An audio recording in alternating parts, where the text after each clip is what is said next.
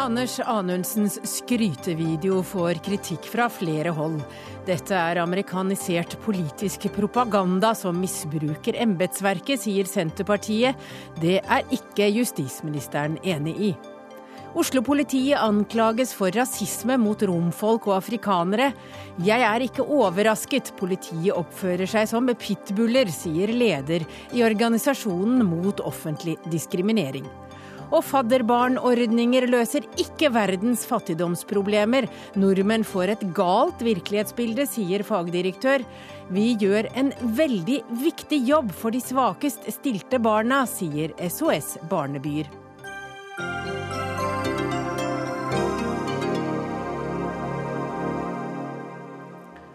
Ja, velkommen til Dagsnytt 18. Jeg heter Hege Holm.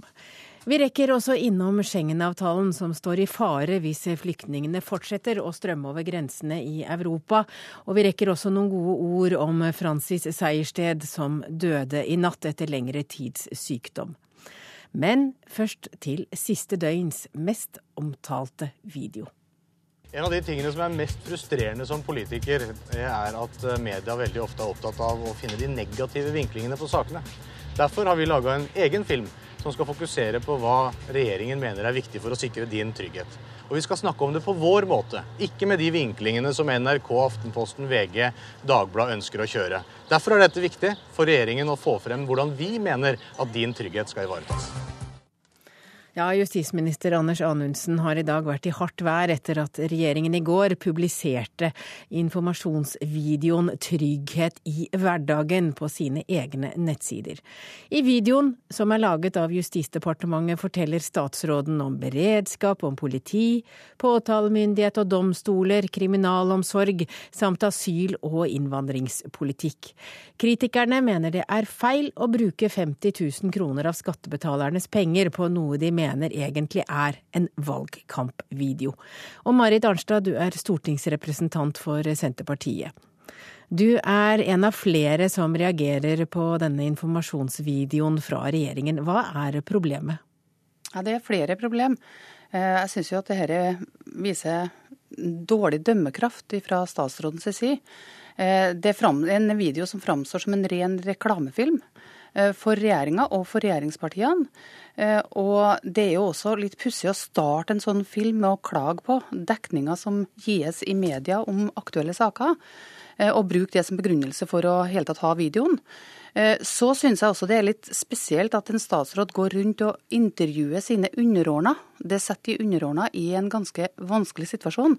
Eh, det er jo ikke lett å komme med noen nyanserte utsagn når det er statsråden som står og intervjuer deg, og det tror jeg også statsråden burde ha reflektert over. Og så er det jo sånn at En rekke av de viktige debattene på justisområdet som vi har hatt det siste året, de kommer ikke fram i videoen.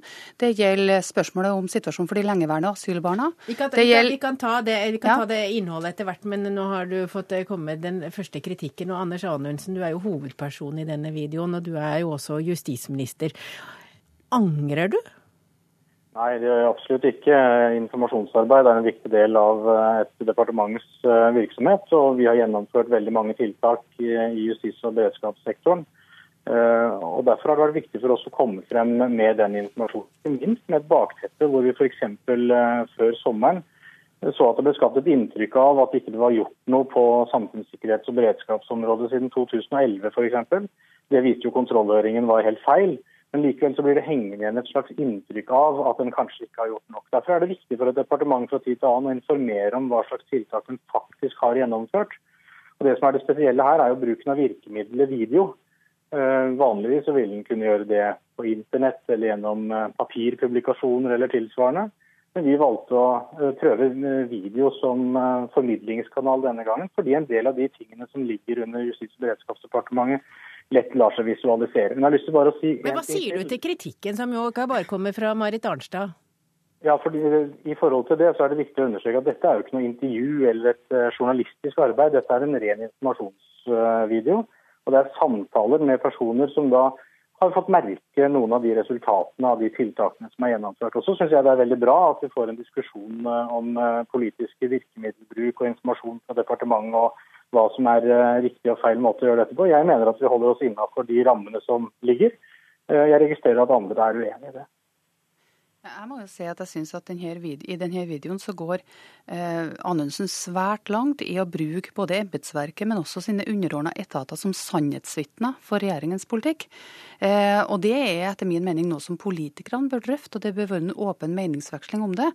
Eh, sånn at... ja, ta det først, Anundsen. Når du, når du stiller spørsmål til dine underordnede i embetsverket som ikke er politikere, eh, og det er sjefen som stiller, eh, tror du at de svarer helt ærlig, eller tror du de svarer det de de tror at du vil at de skal svare? Jeg er helt sikker på at de svarer helt ærlig. Og jeg er like sikker på at eh, de ville svart det samme til deg hvis du hadde stilt de spørsmålene som det de gjorde til meg. Og dette, det er viktig å understreke at dette er ikke noen film som har hatt noe manus eller forhåndsavklaring på hva som skal svares eller sies eller gjøres. Dette har vært en samtale hvor vi skal prøve å få frem noen av de gode resultatene vi har levert på justis- og beredskapsfeltet. Og Da er det jo faktisk interessant å vite om de som har fått den styrkingen, f.eks. beredskapstroppen, som nå har blitt vesentlig styrka. Eh, helikopterberedskapen som har blitt vesentlig bedre for transport av bombegruppa og beredskapstroppen. Å høre om det faktisk har betydning fra de som faktisk gjør jobben, det mener jeg er relevant. Og det gjør jeg i alle andre sammenhenger også. Jeg undersøker og prøver å finne ut, prater, diskuterer og stiller spørsmål til de som gjør jobben ute i gata. Det er det jeg er mest opptatt av. Og jeg mener også at det er en fin måte å informere om resultatene av regjeringens politikk på. Men jeg mener fortsatt at det er å sette sine underordna og sitt embetsverk og sine etater i en vanskelig situasjon når det er sjefen som går og stiller spørsmålene. Og han kan, eh, Det er ikke å forvente at du da får svar som gir grunnlag for kritisk drøfting eller kritiske refleksjoner. Og så syns jeg at det også blir i et særlig spesielt lys når Anders Anundsen som opposisjonspolitiker jo nettopp fremma et Dokument 8-forslag eh, omkring forholdet mellom politikere og embetsverk. Og der sa Anders, der, I det Dokument 8-forslaget så står det en del ting som kan være verdt å reflektere over i dag. Blant annet så står det der at vi står overfor en spørsmål om gråsoner som utnyttes til fordel for statsrådens stadig økende behov for markering. Dette vil selvsagt bli enda mer aktuelt under valgkampen. Og jeg må dessverre si at dette føyer seg litt inn under det begrepet, de gråsonene. Eh, så jeg syns egentlig at hvis Anders Anundsen har sett dette fra opposisjonstilværelsen, sånn som han gjorde for noen år siden, så har han kommet til å være uhyre kritisk til den videoen som han nå har, eh, har nettopp har gitt ut? Det er et interessant perspektiv. For det første så dreide det forslaget seg om noe annet. Det var embetsverkets deltakelse på partipolitiske reiser. Det andre er jo at Marit Arnestads parti stemte imot det forslaget som gikk ut på å lage retningslinjer for denne typen virksomhet. Og så mener jeg at uh, vi holder oss godt innafor det som er rammene for den typen informasjonsvirksomhet fra departementet, fordi dette handler om de tiltakene vi rent faktisk har gjennomført. Og Så kan vi godt diskutere eh, virkemiddelbruk og rom for kritisk tenkning. Eh, og Arnstad har et helt åpenbart poeng i at formålet med denne videoen ikke er å ha store diskusjoner om hva som er bra og dårlig, for videoen tar opp de tingene som vi, eller en del av de tingene vi rent faktisk har gjennomført. Men det betyr jo ikke det samme som at ikke det fortsatt er utfordringer i justissektoren. Men vi ser, Anundsen, vi ser i, i, videoen så ser vi jo at du eh, har på deg et Frp-slips. Og det er altså bare tre uker igjen til valget.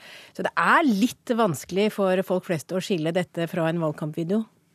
Men jeg er altså medlem av Fremskrittspartiet og sitter i en Fremskrittsparti-Høyre-regjering. Og vi gjennomfører den politikken som eh, regjeringen har gått til valg på. Og jeg mener jo det er viktig, og det bør jo også Arnstad egentlig være opptatt av, at vi får frem hva som faktisk blir gjennomført. Ikke minst på et så viktig område som samfunnssikkerhet og beredskap. Hvor det er viktig å korrigere det feilaktige inntrykket som ble skapt eh, før sommeren f.eks. Så jeg må, Men det er da... jeg må, jeg må si at eh, dette er eh, fra vår side et godt forsøk synes jeg, på å prøve å engasjere folk som kanskje ikke vanligvis får med seg denne typen informasjon ved å bruke video istedenfor annen type materiell for å få ut et budskap. Men det er da altså sånn at når du da står med Frp-pins, og det er tre uker igjen til valgkampen, og du sjøl innehar hovedrollen som intervjuer i en halvtimes video, så bruker du dine underordna til å svare på spørsmål om det som er solsiden av deres politikk, og du velger altså også å, å sette dem i en nokså vanskelig situasjon, og det har jo flere av dem også i dag sagt, både fra politiets side og fra de fengselsansattes side, at bildet er ikke helt som det var tegna i, uh, i, i, i, videoen. Uh, og jeg må si det står i en kontrast til det som jeg sa nettopp om gråsona, som jeg siterte fra ditt Dokument 8-forslag. og så er jo selvsagt poenget også alt som ikke blir sagt i den videoen. For det er mye om asylpolitikk i den videoen, men det er svært lite om de lengeværende asylbarna. Det er svært lite om økonomi, den økonomiske, økonomiske situasjonen ut i politidistriktene utenfor beredskapstroppen og utenfor Oslo. Det sies svært lite om den helhetlige arbeidssituasjonen i kriminalomsorgen og diskusjon bl.a. om etablering av fengsel i Nederland, som enkelte av oss er svært kritiske til. Og det sies ingenting om et politidirektorat som nå skal overta oppgaver fra storting og regjering når det gjelder å organisere framtidas politi, og den diskusjonen som det har medført. Og Det betyr at det heller ikke gir grunn for en fornuftig og opplyst debatt omkring de her spørsmålene. Men før du svarer på det, Anundsen, så vil Anundsen, eh, bare én ting. Altså, I dag er det jo kommet forslag fra Venstre om at hele videoen skal fjernes fra Justisdepartementets sider. Og det er eh, ulovlig brukt NRK-klipp, og TV 2 sier at de angrer på at de har sagt ja til å bruke klippet. Bruke, la, la Justisdepartementet bruke klipp. Og nå kommer du med alle de sakene du mener ikke det handler om. Du, mener du at hele videoen bør fjernes, eh, Arnstad? Ja, jeg syns at uh, regjeringa.no at, uh, at videoen bør fjernes fjernes derifra. Både fordi jeg syns den er en ren reklame, politisk reklame eh, for Frp, men også fordi at det kommer innsigelser selvsagt fra NRK der eh, materialet blir brukt ulovlig, og også fra TV 2 som angrer på at de stilte klipp til disposisjon. Anundsen, kommer dere til å fjerne den? Nei, dette er en informasjonsvideo som Justis- og beredskapsdepartementet står bak. Og så har jeg blitt gjort oppmerksom på at det var en tresekunders snutt fra NRK som vi ikke hadde fått rettighetene til. De har jo selvfølgelig beklaga sterkt. Det skal ikke skje, og det er retta opp i. Men innholdet i den videoen blir jo ikke noe mindre viktig av at den kunne tatt med flere saker. Vi kunne f.eks. tatt med at vi har økt eh, politibudsjettet med 2,2 milliarder kroner. Vi kunne tatt med at, og vi har tatt med eh, Nederland, som er en kjempepositiv sak, hvor vi har fått 242 nye fengselsplasser i Nederland, selv om Arnstad er imot det. Vi har fått til en nærpolitireform hvor vi virkelig får styrke tilstedeværelsen av nærpolitiet, som Arnstad også var imot. Vi kunne tatt med masse, masse ja. mer. Og, jeg, og de, har brukt, de, har brukt, 50 000 kroner av skattebetalernes penger til å reklamere for egen politikk, og brukt deres egne ansatte og underordna på det. Og det er noe helt nytt i norsk politikk, og dessverre svært beklagelig. Og det er altså noen som har hoppet på denne bølgen. En av Arnstads kollegaer i Senterpartiet, Geir Pollestad, han la i dag ut en video på YouTube om sin karriere på Stortinget etter å ha sett eh, videoen eh, til Anundsen. La oss høre litt på den. Hver eneste dag så jobber jeg her på Stortinget for å gjøre gode folk for mine velgere. En altfor liten del av dette finner journalistene verdt å skrive om i landets aviser. Det syns jeg er råttent gjort. Så er det jo sånn at det er kun antidemokrater og statsråder med stort ego og lite sjølinnsikt som brenner aviser. Så jeg har heller lagd denne videoen for å fortelle hva jeg gjør på Stortinget. Ja, Hva syns du om parodien, Anundsen? Du, jeg har hørt at det er en ære å bli parodiert. Jeg tar det relativt uh, lettsindig opp av det han har sagt. Jeg syns det er veldig fint at uh, videoen engasjerer, selv om jeg selvfølgelig skulle ønske at uh, en hadde enda mer fokus på det gode innholdet og leveransen som regjeringen har gitt i videoen, og ikke bare videoen som virkemiddel. Men jeg mener jo at det er viktig at vi bruker virkemidler for å få ut Eh, informasjon fra departementene om det som faktisk er gjennomført. Og så skjønner jeg at opposisjonen er skeptisk til det. Og jeg regner med at du vet omtrent akkurat hva du har gjort, så den eh, oppmerksomheten du har fått i dag, eh, den var du klar over. Men takk for at dere kom til Dagsnytt 18, Marit Arnstad og Anders Anundsen. Dagsnytt 18 alle hverdager klokka 18.00 på NRK P2 og NRK2.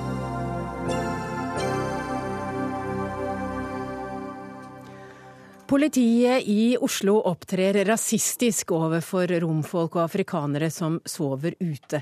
Det fastslår ny rapport fra Nasjonal institusjon for menneskerettigheter. Rapporten har undersøkt hvordan soveforbudet på offentlige utearealer i Oslo har blitt håndhevet. Og Rapporten viser bl.a. at romfolk og afrikanere har dobbelt så høy risiko for å bli vist bort sammenlignet med folk med europeisk utseende. Og leder i Nasjonal institusjon for menneskerettigheter, Kristin Høgdal. På hvilken måte mener dere at politiet i Oslo er rasistiske? Nei, Vi mener ikke det som et generelt utsagn. Det vi har sett på i denne undersøkelsen, har jo vært hvordan dette soveforbudet praktiseres. Og da har vi kommet inn på, og da har vi ulike funn. Og det du er inne på, det er det som da berører eh, at det er en del politifolk som eh, da viser atferd, rapporteres i hvert fall fra de vi har snakket med. Eh, og det er bredere enn noen enkelttilfeller. Så eh, det er da en del som har kommet med utsagn av rasistisk karakter i forbindelse med bortvisninger. Ja, Når du sier noen, hvor mange er det det dreier seg om? Det kan vi ikke si med, med, sikkerhet. Vi bare noterer at av de vi har intervjua, så, så, er det relativt eh, mange som har nevnt dette her. Og, men igjen tilbake til hvor mange personer det da er snakk om. Men det, de rapporterer jo også at det er flere politifolk som er veldig høflige og beklagende i sammenhengen. Så, så det er klart ulike Eh, en sånn splitta nesten i, ned midten i forhold til den eh, atferden som vi omtaler. Og til NRK sier du også at håndhevelsen av loven er et brudd på menneskerettighetene? Ja, for vi snakker om eh, Altså denne loven var jo omstridt da den ble vedtatt i 2013. Og det er egentlig et viktig poeng i seg sjøl, for dette er jo politikernes bord og ikke politiets. Men selv om politiet oppfordret til den, til den vedtekten. Men det var jo da ble det jo presisert, og det ble omdiskutert, hvorvidt dette vil slå ut skeivt helt fra utgang utgangspunktet. Mens teksten som ble vedtatt, den var jo nøytral. Og skulle ikke gjøre forskjellsbehandle. at ingen skulle få lov å sove ute? Nei, at det skulle da praktiseres jevnt over hele linja. Eh, vi syns det er problematisk som vi sier, det at det fremstår som et totalforbud. Og det er problematisk menneskerettslig. Men også det at eh, det da rammer eh, utlendinger, og i særlig grad rom, og afrikansk bakgrunn på, i, i, sammenhengen. Det er problematisk. Og den andre biten i det, som også er vanskelig, det er jo at i um, denne her, Når du faktisk, og politiet da, skal bortvise folk, så må de gjøre det på en måte som også tar hensyn til både privatliv, eh, og at det gjøres på en måte hvor du avveier ulike hensyn. Sånn at Én ting er at må de vises bort? Er det en ordensforstyrrelse? Eller er det kanskje ikke nødvendig, kan man være litt slack her. For det er de norske uteliggerne som rapporterer at de har et greit forhold til politiet, og at de i liten grad blir rammet av det. Ja, Så det er derfor dere sier at folk med europeisk eh, opprinnelse, altså som er lyse i huden, de opplever ikke det som noe problem? Ja, det varierer litt det også. Men eh, det er, eh, det er en klar økning også overfor utlendinger og, og romfolk afrikansk bakgrunn spesielt. Og det var jo bl.a. Eh, Venstre, som da var del av det flertallet som vedtok dette her, hadde det som en klar forutsetning at det ikke skulle uh, praktiseres på en diskriminerende måte. Visepolitimester i Oslo politidistrikt Sveinung Sponheim, er du overrasket over konklusjonen i rapporten? Ja, jeg er litt overrasket uh, hvor bastanten er. Eh, de undersøkelsene vi har gjort i dag, både fra våre egne og fra private organisasjoner som jobber ute på gaten sammen med oss, eh, sier vel at i det store og hele så opptrer politiet korrekt, eh, slik som vi mener de skal gjøre, og som de har blitt instruert om å gjøre, og som de har retningslinjer som de må følge. Eh, det å, å, da uh, håndheve campingforbudet i Oslo er en veldig krevende jobb for våre mannskaper, fordi det har med de fattigste av de fattige å gjøre. Og det er vi veldig oppmerksom på når vi instruerer våre mannskaper. Eh, slik at eh, det som er hovedbudskapet vårt til våre mannskaper, er at de skal gå på da gripe tak i uønsket atferd. Altså, vi skal ikke se til verken kjønn eller etnisitet. Slik at vi, i hvert fall i våre systemer, har lagt opp til at alle skal få en likebehandling. At vi ikke skal skille mellom eh, om man er sigøyner, romfolk Men nå har du lest rapporten, og der står det jo at det gjøres ja, forskjell? Ja, de gjør det. Vi mener vel kanskje at eh, rapporten er litt tynn på det grunnlaget at eh, den sier ikke noe om hvor mange bostedsløse vi har i Oslo. Hvor stor representasjon er det de har da eh, gjort undersøkelser med i forhold til totalen? Også eh, forholdet mellom utlendinger og norske bostedsløse. Leder i organisasjonen mot offentlig diskriminering, Akenaton de Leon. Du er ikke overrasket over funnene. Du sier at dette vet vi jo. Altså, jeg er ikke overrasket i det hele tatt. Det er i tråd med et bilde vi har dannet gjennom 22 års arbeid. Det er i tråd med informasjon vi får gjennom vårt nettverk når vi snakker med folk på gata. Plan. Ja, Hva sier de? Nettopp som dette som beskrives her. Igjen, jeg skal gjenta, det er ikke alle tjenestemenn som oppfører seg dårlig, men det er en del. Og Sponheim snakker om at, har, at, uh, at, man har ikke oversikt. Men det er de som sitter med tallene. Det er de som har data uh, som de kan gjennomgå og se på hvor mange mennesker blir kontrollert i løpet av en dag. Hvem er de? Ikke sant? Og da kan vi ha en uh, ordentlig diskusjon om effekten av den type kontrollvirksomhet. Fordi som det er i dag, mange gjetter på hva er situasjonen. Vi som mottar konkrete klager, hvor folk forklarer om at de opplever politiet, ikke alle, men enkelte tjenestemenn som pitbull, at det er maktoverbruk, de er uhøflige, og til dels noen av de er rasistiske i, i hva de sier til folk. Dette har vi klaget inn til politiet i mange år, og vi får den samme retorikken tilbake. Ja, vi gir instruks til våre tjenestemenn at de skal oppføre seg på en ordentlig måte, men jeg spør da Sponheim. Han får nye tjenestemenn hele tiden. Får de opplæring? Det må Sponheim svare ja, på. Hva skjer? Hva slags opplæring? Eh, det, det, er et kontinuerlig arbeid. Og vi har jo bl.a. når det gjelder eh, de bostedsløse rom, så har vi et eget program kun for de, fordi det er en spesiell utfordring. Når, eh, når Rake her nevner pitbuller, så har vi gått inn i, i dag og gjort undersøkelser på bakgrunn av rapporten i, i, hos våre samarbeidspartnere ute. Og vi har fått tilbakemelding på at de har har meldt om uh, uheldige opptredener fra politifolk som ikke er blitt brakt videre i, ledersystemet, slik at disse har kunnet bli korrigert.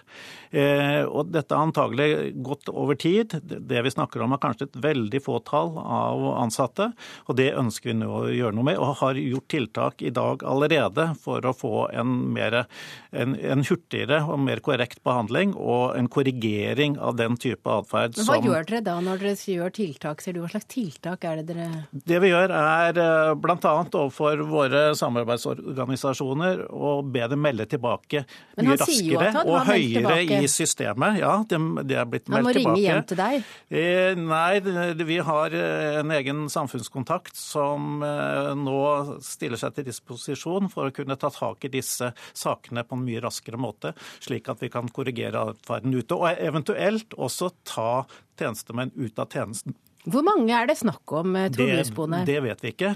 Det arbeidet det jobber vi kontinuerlig med og vil ta tak i også nå.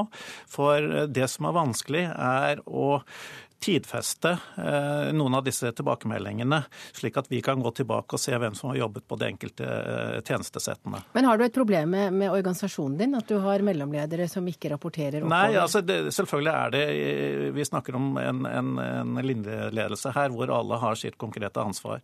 Eh, og så må vi da gå inn og kontrollere og sørge for at eh, hvert ledende nivå gjør den jobben vi forventer at de skal gjøre.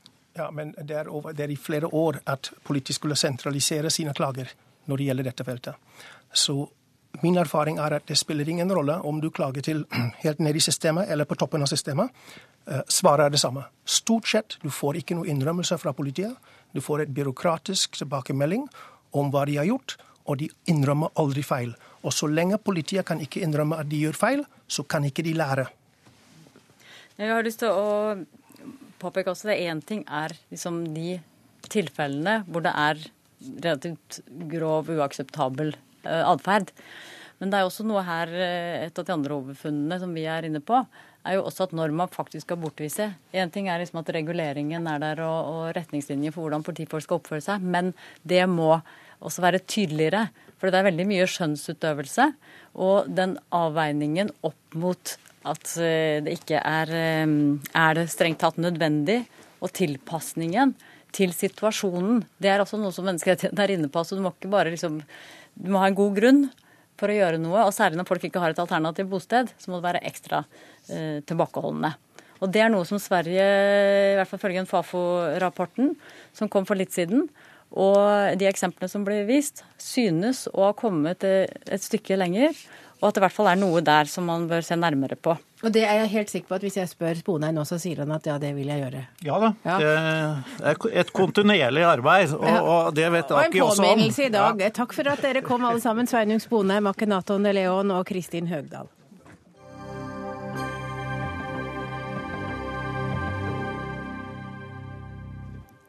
I Norge er det over 360 000 nordmenn som har fjernadoptert fadderbarn. Og det tallet vokser, skriver Vårt Land i dag.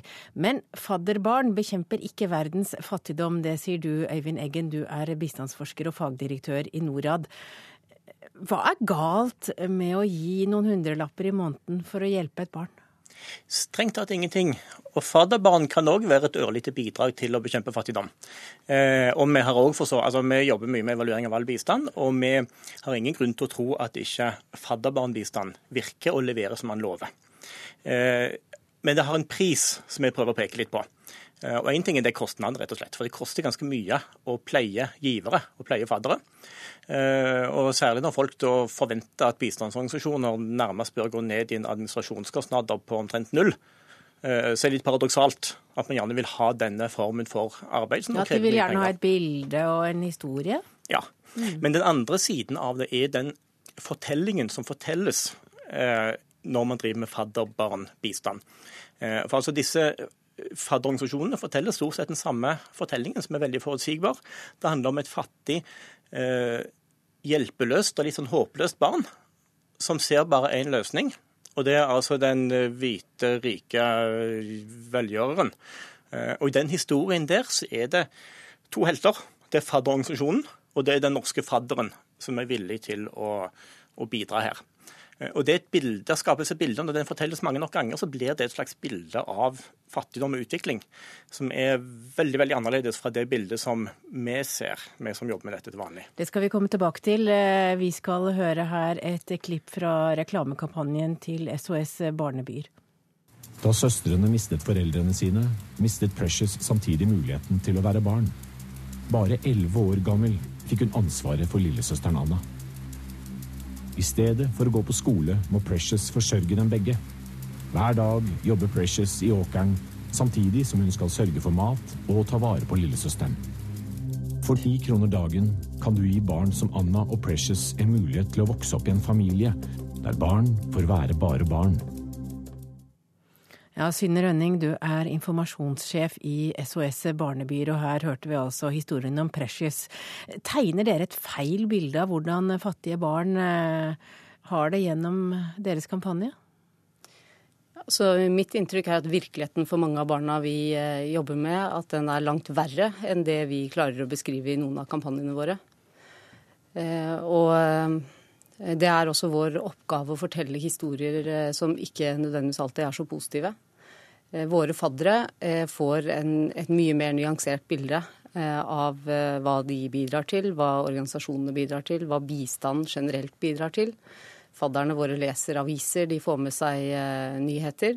De leser våre magasin, hvor vi går mer i dybden på arbeidet vi gjør, og hvor vi også forteller om, om arbeid som virker, om familier som får bli styrka i omsorgsoppgaven, sånn at de selv kan eh, ta ansvar for barna sine og gi dem omsorg og utdanning. Eh, og om hvordan vi jobber med alternativ omsorg for de barna som trenger et nytt hjem å vokse opp i. Men, men forstår du kritikken? Jeg, synes denne debatten er viktig å ha. Det er viktig at vi, at vi felles diskuterer både kommunikasjon, hvordan vi snakker i, i Norge om bistanden i seg selv Eh, og det er eh, viktig at vi hele tiden er opptatt av eh, at vi bruker pengene som vi samler inn fra folk i Norge, på en ordentlig måte. Og vi opplever at vi gjør det, at vi forvalter det ansvaret. Hvor mye går til administrasjon? Vi hørte jo Eggen si at det var mye. Ja, altså Vi bruker 15% av faddermidlene til å administrere ordningen og til å samle inn nye penger, altså til å skaffe flere faddere. Hvor mye bruker dere til administrasjon i Norad? Vi driver en helt annen virksomhet, så det er vanskelig å sammenligne direkte. Eh, og jeg klarer ikke å svare på det her og nå. Eh, men uh, vi bruker mye administrasjon, vi òg. Det, koster, det, det koster å drive god bistand. Ja, Du syns det er mye når hun sier 15% Nei, ikke nødvendigvis. Jeg sier, heller, jeg sier, ikke at de bruker mye penger, men jeg sier bare at det å administrere en fadderordning uh, er en tilleggskostnad som da har en pris. Men er ikke penger penger?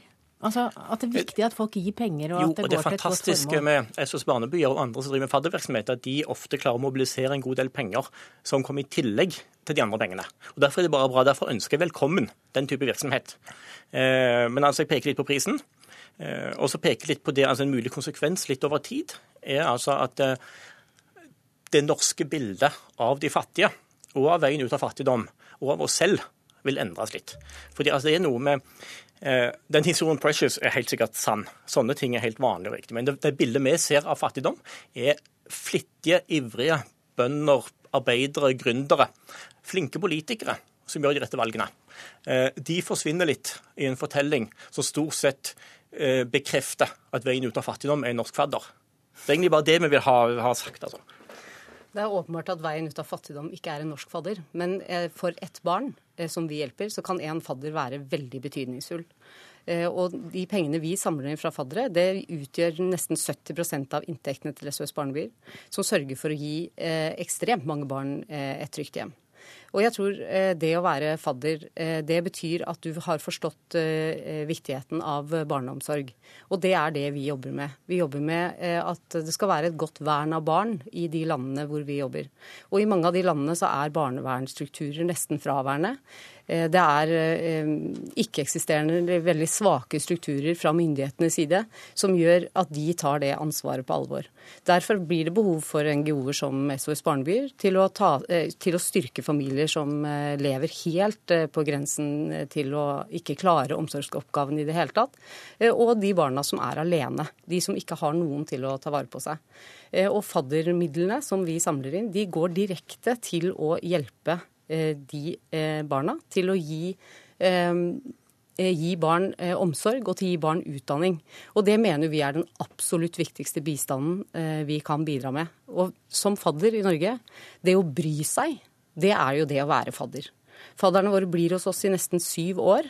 Det i det lange løp gjør det veldig effektivt for oss. Hva er alternativet ditt? Ja, så er det at vi ikke gir de hundrelappene hver måned til fadderordning fordi at vi vil vaske hendene våre? Ja, nei, jeg syns altså at SOS Barnebøy og andre bør fortsette sin virksomhet, og de mobiliserer midler som ikke er tilgjengelig så lett ellers, at enkeltmennesker kan gi.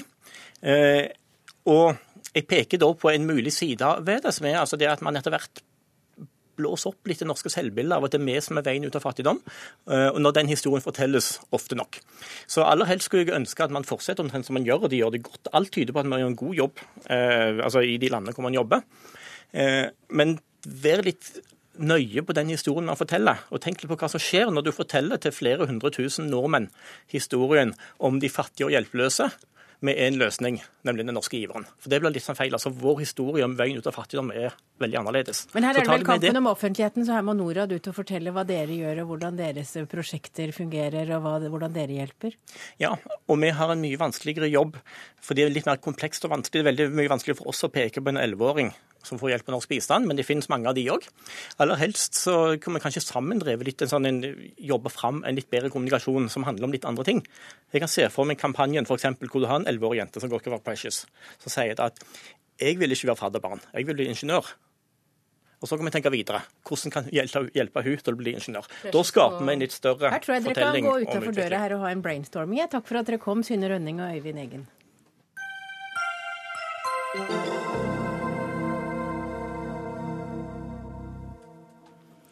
Partipolitikk i styrerommet er en uting. Denne advarselen kommer fra KS Bedrift nå som valget nærmer seg.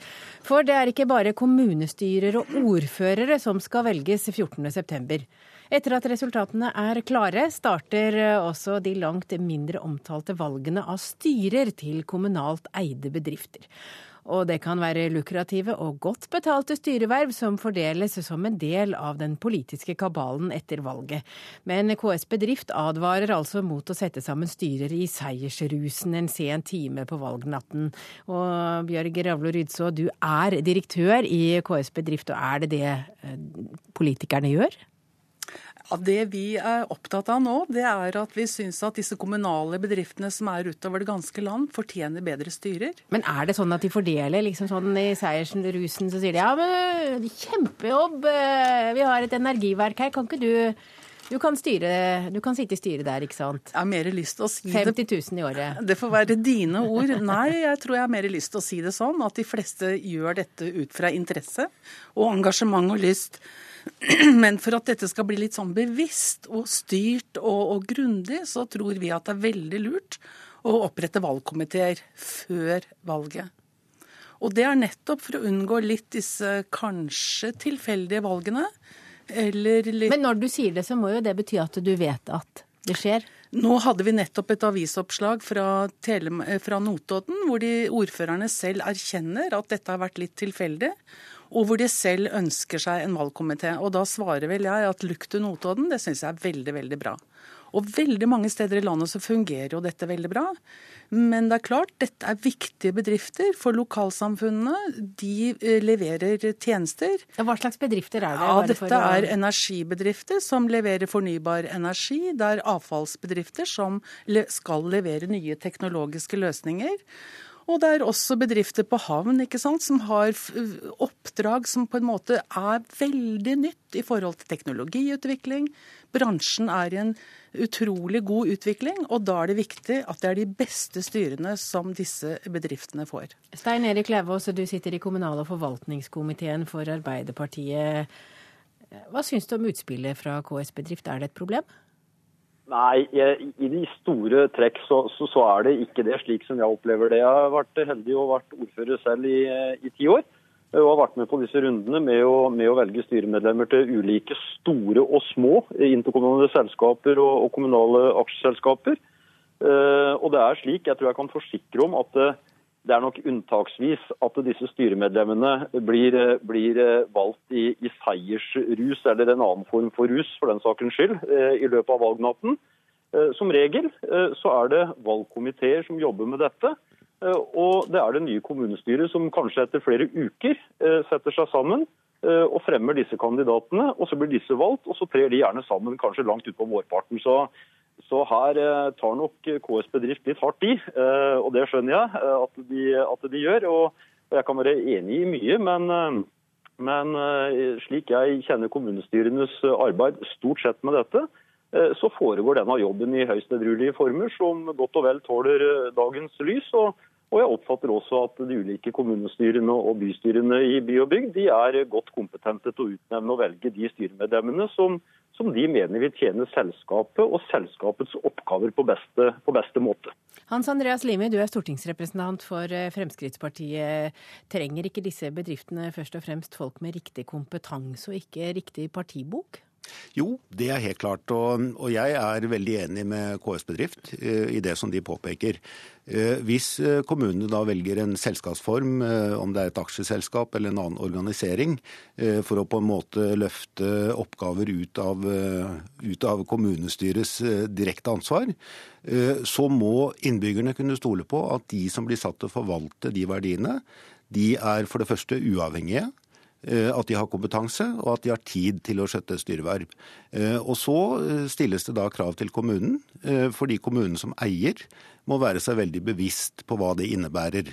Og Det betyr at kommunen da må trekke opp de overordna retningslinjene, altså rammeverket for, som styrene skal forholde seg til, men de skal ikke involvere seg i den daglige driften.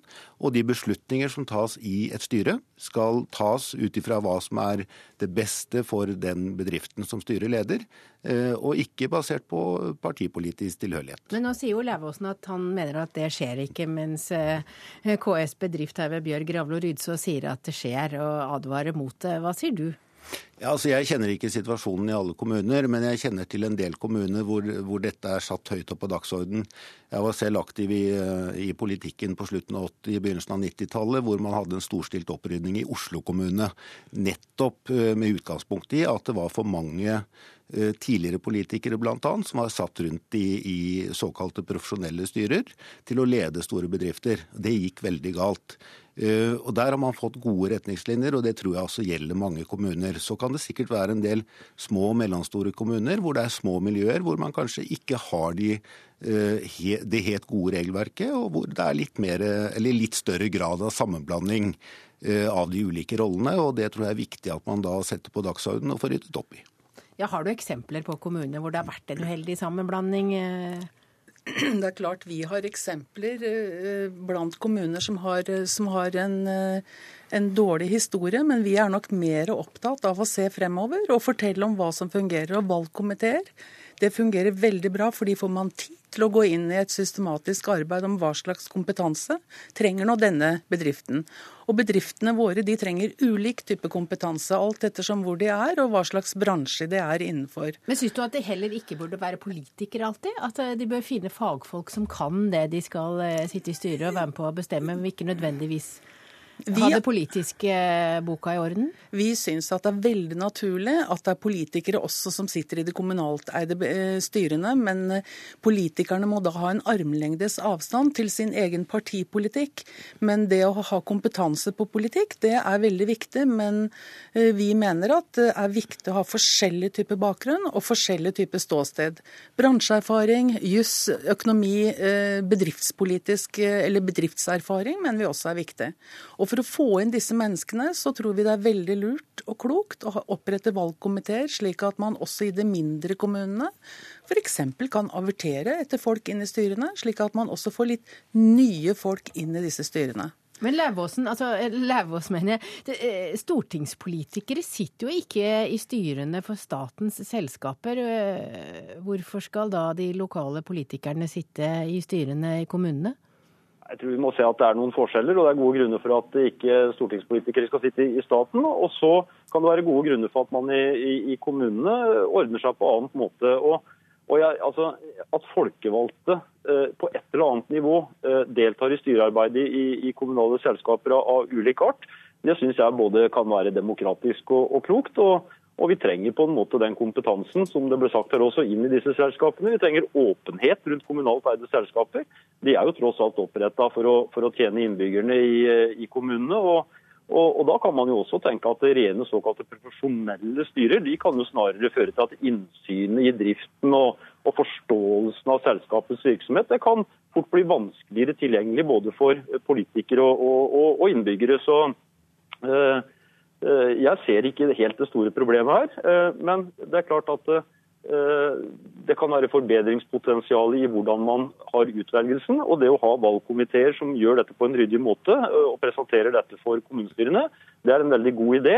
Jeg er godt kjent med det systemet. Vi hadde det i min kommune og i samarbeid med, de øvrige, og det fungerte veldig, veldig bra. Så, så, egentlig så tror jeg ikke jeg er så veldig uenig, men jeg, men jeg syns på en måte at man KS Bedrift, slik jeg forsto det, går veldig langt i å på en måte her skulle utelukke enhver som er folkevalgt fra å sitte i disse styrene, og det tror jeg er uklokt. Ja, Det må du svare på. Nei, vi mener ikke det. Men vi mener kanskje det er klokt å velge politikere fra andre nærliggende kommuner, slik at man har litt armlengdes avstand. Fordi kommunestyret utøver, er eiere og utøver eierpolitikken. Og de skal også føre litt tilsyn med sine selskaper. Sånn at disse rollene kan det noen ganger være vanskelig også for publikum eller innbyggerne å, å se forskjellene på. Så ryddighet i det tror vi er veldig viktig. Men vi utelukker det ikke. Men partipolitikken jo, er vi jo enige om egentlig alle tre her, at det hører ikke hjemme i et styre. Der er det selskapets beste som gjelder. Ja, En lokalpolitiker kan ha mye god kompetanse på helt andre områder enn politikk. Eh, så det å være politiker må ikke bety at du blir ekskludert fra å utøve funksjoner i verken styrer eller på andre områder. Men det som er viktig, det er at man har en ryddighet eh, rundt det, at det er en uavhengighet. At man følger lovverket. fordi hvis man organiserer seg som et aksjeselskap, så er det aksjeloven som gjelder. Og så har du forvaltningsloven. Og de politiske prioriteringene og strategien, det er det kommunestyret og formannskapet som trekker opp. og Det er det styret da i kommunale selskap skal forholde seg til, men de skjøtter den daglige driften. Og dessuten dessuten så har vi hørt at det er veldig mye arbeid å sitte i et kommunestyre. Bare å klare å holde tritt med alle papirene en må lese foran hvert møte. Så spørsmålet er har en egentlig tid til å sitte i flere styrer? Ja, Vi syns det er viktig at man har tid til å sitte i styrene. Og så syns vi det er et viktig prinsipp at man ikke sitter på begge sidene av bordet og bestemmer. Det er et godt uh, demokratisk vi... prinsipp. Men nå har vi luftet det, så får vi se hva som skjer etter 14.9. Takk ja. til deg, Bjørg Ravlo Rydså, Hans Andreas Limi og Stein Erik Lauvås. Hør Dagsnytt 18 når du vil. Radio NRK Radio.nrk.no.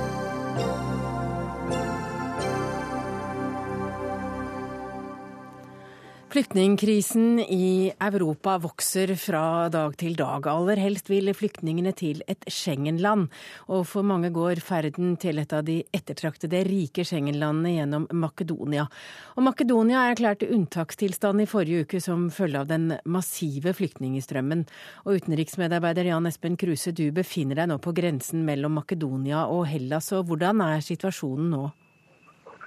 Ja, akkurat nå er det ganske rolig her. Det er bare noen få titalls igjen i denne improviserte eh, flyktningleiren som ligger eh, kloss på grensa. Eh, for et lite øyeblikk siden så gikk det en gruppe på 50 flyktninger forbi her, ledsaget av makedonsk politi. Og i hele dag så har det vært en jevn strøm. Det har vært massevis av disse mindre gruppene som makedonske myndigheter vil tar over grensa fra Hellas Eh, for å unngå at det blir eh, kaos og sammenstøt sånn som det har vært her de siste dagene. På hvilken måte forsøker de seg for å komme over grensa? Ja, De prøver eh, for så vidt alle måter, men eh, de fleste har nå skjønt at det har blitt litt mer organisert enn det har vært eh, de siste ukene. Nemlig at de må vente på den greske siden eh, før makedonsk politi slipper, dem inn i eh, mindre grupper. Men her jeg er, så har de altså bare satt opp noen få telt og noen få toaletter. De har begynt å gjerde inn området, de har begynt å sette opp master fordi de venter jo en voldsom tilstrømning her. Det er snakk om 2000-3000 eh, per dag i lang tid framover som vil komme inn her. Og det er de ikke forberedt på å takle her. Hvilke håp har de dersom de skulle klare å komme seg inn i et Schengen-land? Ja, De aller fleste av de flyktningene jeg har snakket med i dag, de sier at eh, de vil enten til Tyskland eller, eh, eller til Sverige. Noen andre snakker om Nederland og, andre vestlige land, men uh, hovedmengden vil til Tyskland og Sverige. Det er det de har hørt om. Uh, det er der noen av de har slektninger, eller i hvert fall har hørt om at uh, folk har klart å komme seg videre. Men så er det det store spørsmålet med denne grensen inn til Ungarn. De fraktes nå gjennom Makedonia av myndighetene med busser og tog og de fraktes også gjennom Serbia. Men det store spørsmålet er eh, ungarerne bygger altså dette grensegjerdet. Og det kan bli en gigantisk opphopning av flyktninger når de blir ferdige. Kommentator i Dagens Næringsliv, eh, Kjetil Widsvang. Du skriver i dag at 30 år etter at Europa ble grenseløst, kan det nå igjen bli passkontroll og grensebommer. Og det er jo det vi hører om. Ja. Om ikke det er blitt det ennå, så bygger de gjerde og de gjør det vanskeligere. Er det nå denne Schengen-avtalen som står for fall?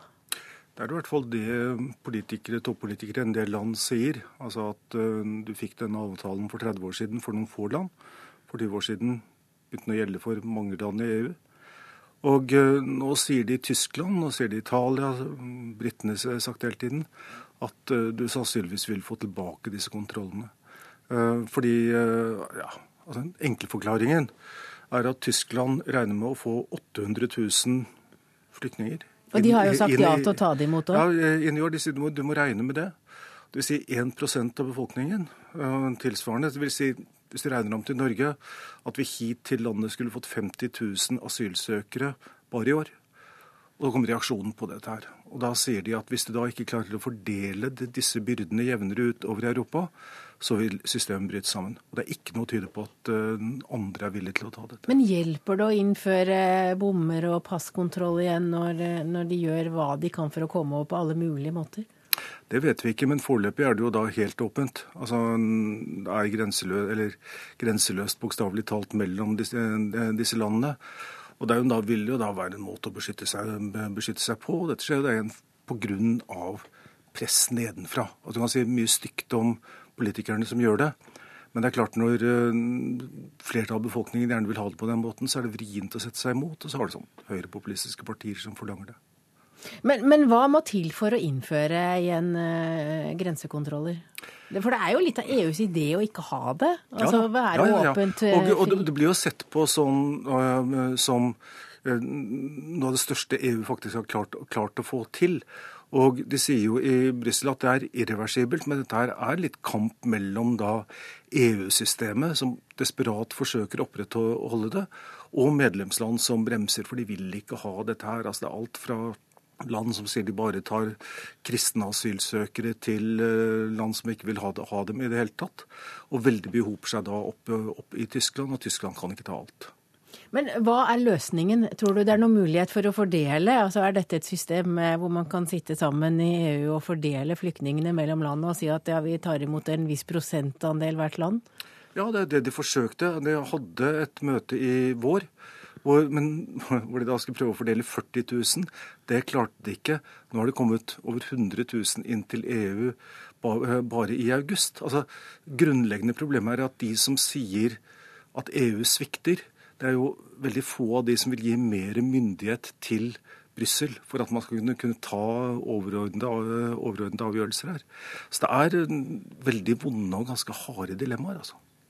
Men du skriver om flere krefter som kan gi sammenbrudd i Schengen-samarbeidet. Hvilke krefter er det? Nei, altså Det er jo det, det, er det presset som kommer utenfra for øyeblikket. Det kan være liksom, At du har fått en tredobling av antall eh, flyktninger, asylsøkere, inn til dette i år. Det har å gjøre med kaoset i, i områdene rundt, altså Nord-Afrika, også, altså, både de som flykter fra krig, men også veldig mange som flykter fra fattigdom, som på Balkan, i Kosovo kommer det mange. Så det er én av kreftene. Eh, en annen ting er terrorfrykten. Eh, det var etter dette angrepet på toget i Belgia her eh, forrige dagen, så er den belgiske regjeringen bedt om at man må, må få, begynne å få igjen kontroll av papirer og bagasje når de tar tog, tog gjennom Europa. Og så er det jo da, mener de høyrepopulistene, at dette har noe å gjøre med de faktisk redningsaksjoner som er igangsatt i Middelhavet, fordi at det stimulerer til at du får veldig mange over, over havet. Men det høres jo egentlig ut som ingen vet helt hva man skal gjøre? Nei, altså, Jo, man vet hva man skal gjøre. Dette må fordeles ja, dette må mellom, fordeles. mellom land, land, i Europa. Men eh, det er det såpass sterke motkrefter som, eh, som gjør det nærmest håpløst å få til. Takk for at du kom, eh, Kjetil Hvitsvang, kommentator i Dagens Næringsliv. Og også takk til Jan Espen Kruse, som eh, var med oss fra grensa mellom Makedonia og Hellas.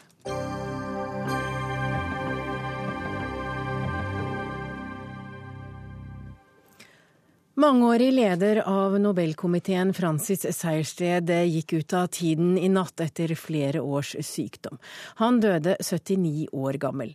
Og flere kontroversielle fredspriser ble delt ut i hans periode som leder av Nobelkomiteen. Og vi skal høre et av eksemplene her. Den norske Nobelkomité har bestemt at Nobels fredspris for 1994 skal tildeles i alfabetisk orden Yasir Arafat, Shimon Peres og Yitzhak Rabin for deres bestrebelser for å skape fred i Midtøsten. Ja, Henrik Syse, du er filosof, du er fredsforsker, du er medlem av Nobelkomiteen, du er medlem av Pressens faglige utvalg, og du er sikkert medlem av mye annet også. Men eh, hva forteller det om Francis Sejersted at han hørte, hørte Han deler ut priser, men han delte jo også ut pris til apartheidpresident Fredrik Wilhelm de Klerk og Nelson Mandela, og dette var priser han var med på? Ja, han var en eh, modig Nobelkomitéleder og et modig Nobelkomitémedlem. Jeg har i dag sittet og lest noen av hans nobeltaler fra de årene han var leder, og du verden, det er taler med vidsyn, med en bevissthet om at fred skapes av mennesker som er hele mennesker. Mennesker som kanskje motiveres av forskjellige ting i løpet av et langt liv. Mennesker som ikke bare er drevet av økonomisk interesse, men som innimellom kan være drevet av idealisme, som kanskje kan bli avfødt av kriser. Og det er vel noe av det største ved Francis Sejersted, både i Hans Vik i Nobelkomiteen og i så mange andre sammenhenger, at han har turt å snakke om de idealene og eh, gi, sette ord på dem. Han ble jo kalt for sir Francis. Hvorfor det? Altså, Mine foreldre kjente ham helt tilbake fra 1950-tallet, og han var jo kjent allerede den gang som en høytidelig mann. Han var en som snakket slik man snakket på 1850-tallet. Eh, og det eh, gjorde at man lett kunne kategorisere ham som eh, en som var litt over de andre. Men samtidig så vet jo alle som kjente ham, hvor opptatt han var av substansen. Det var ikke det å være elegant for elegansens egen skyld. Han var en som kunne veldig mye, skrev mye og lyttet. Og jeg føler meg privilegert som fikk lov til å lære ham å kjenne. Jeg har bl.a. ledet et styre for noe som heter C.J. Hambros fond hvor han to ganger de siste årene har vært i middag hjemme hos meg hvor vi har snakket om dette. Og det er altså en glede, var en glede, å få sitte ved samme bord som ham, lytte til ham, og også høre den måten han alltid var oppmuntrende overfor andre på. Det, han var jo også en høyremann.